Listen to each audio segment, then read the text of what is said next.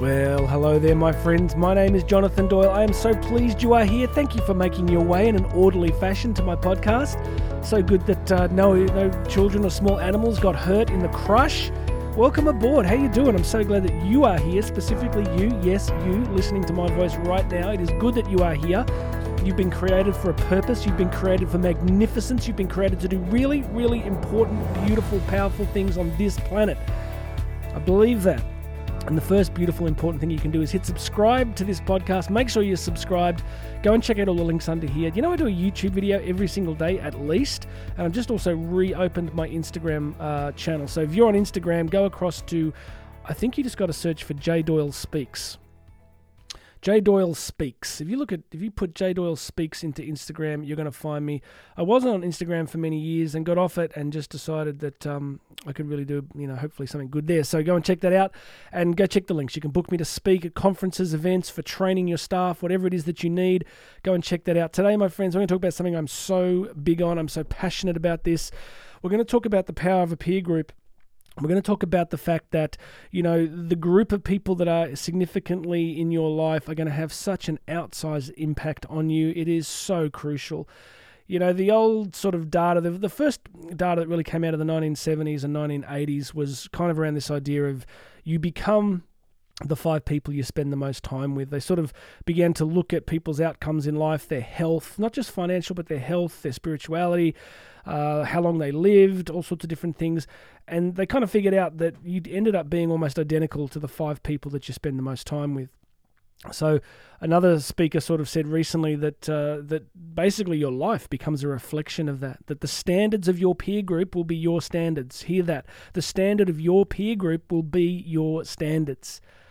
And and you can prove it, right? Because I say to people, I'll give you the two extremes. Go into a prison and find somebody that's been involved in the criminal justice system most of their life, right?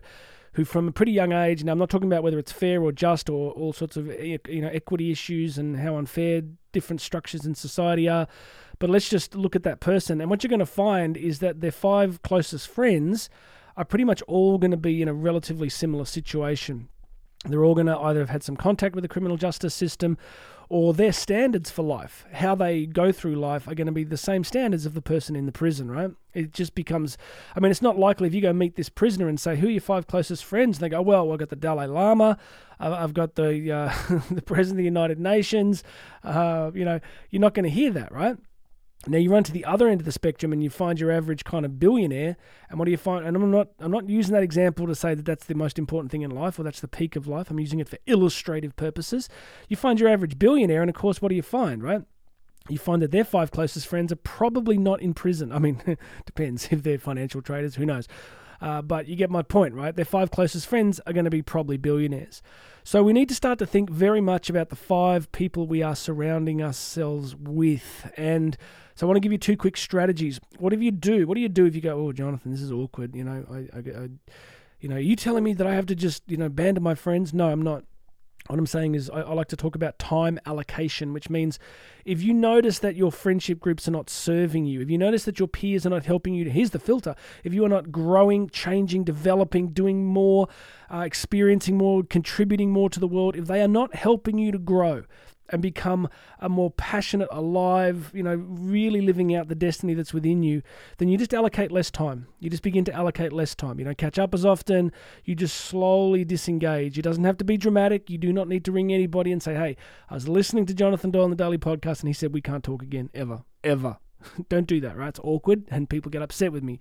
So that's the first strategy time allocation. Just allocate a bit less time and then usually at some point you'll get this thing going you've changed. You don't you don't uh, you don't meet you know you don't hang out with us anymore. And i like to say you don't owe people an excuse. You don't. No one owns you.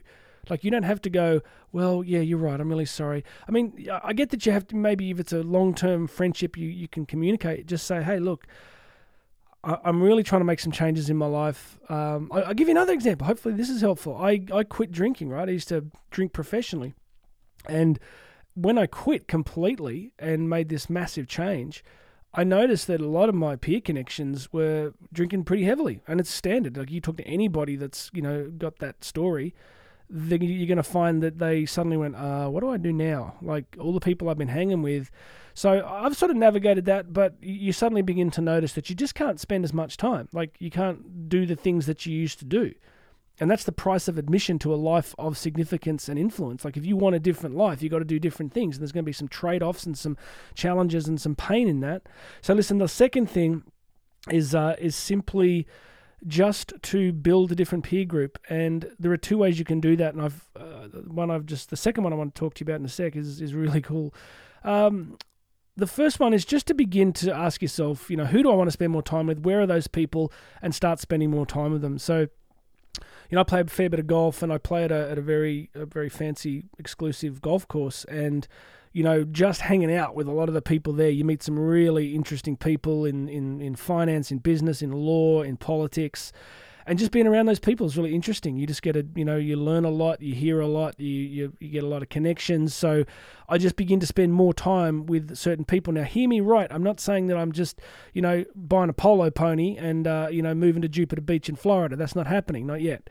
Um, I, I mean, I ride reasonably well, but ponies are expensive. Now, the next thing you can do is, you know, once you've begun to gravitate to some new people, is build. If you're going to use social media, you can actually curate and build a really good peer group in that context. So I just want to say to you, if you're on social media, pay attention to who you're following, because I want to say to you that who you're following is very much like a peer group. And, you know, if you just find people that you really admire, find people that you want to be like, find people that really inspire you and draw you to a higher level, whether that's financially, spiritually, physically, relationally, whatever it is. You know, find people that draw you to a higher level and curate that peer group. So I've got a group of people on my Instagram who every morning, you know, is part of my routine. I get up and it's not time wasting for me. It's like, what are these guys doing? What, what, what are they thinking? What are they saying? How are they doing life?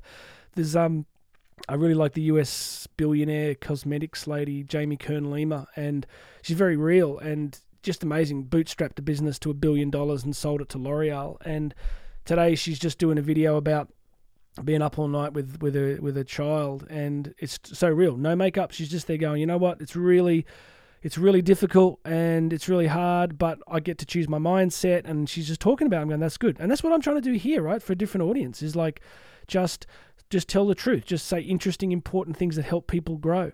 So curate your peer group on social media. All right, summary. You're going to be the result of the your life will be the result of the five people you spend the most time with. Please don't get upset. Please don't message me going, "You're saying that we think we're better than other people." I'm not saying that. I'm literally saying, you know, you get handed this one life. You're not handed someone else's life. You're handed your life and you have to be accountable for the results and the outcomes in your life. And you're allowed to have a vote. You're allowed to have an opinion. You're allowed to go, you know what, this is what I want. I want this. I want to contribute here. I want to grow here. I want to be different here. And the people in my life are not helping me. So you get to choose. Now, you don't get to choose around family or marriage, that sort of stuff. You don't get that choice. Once that choice is made, and family wasn't a choice you even got a vote in either. So you love your family, you choose your friends. One more time, you love your family, you choose your friends. All right, go and check out the links. Please make sure you subscribe. Book me for coaching, speaking, conference events. It'll all be there. God bless you, everybody. I'll see you on Instagram at JD Speaks, and uh, have a fantastic day. This is Jonathan Doyle. You and I are going to talk again tomorrow.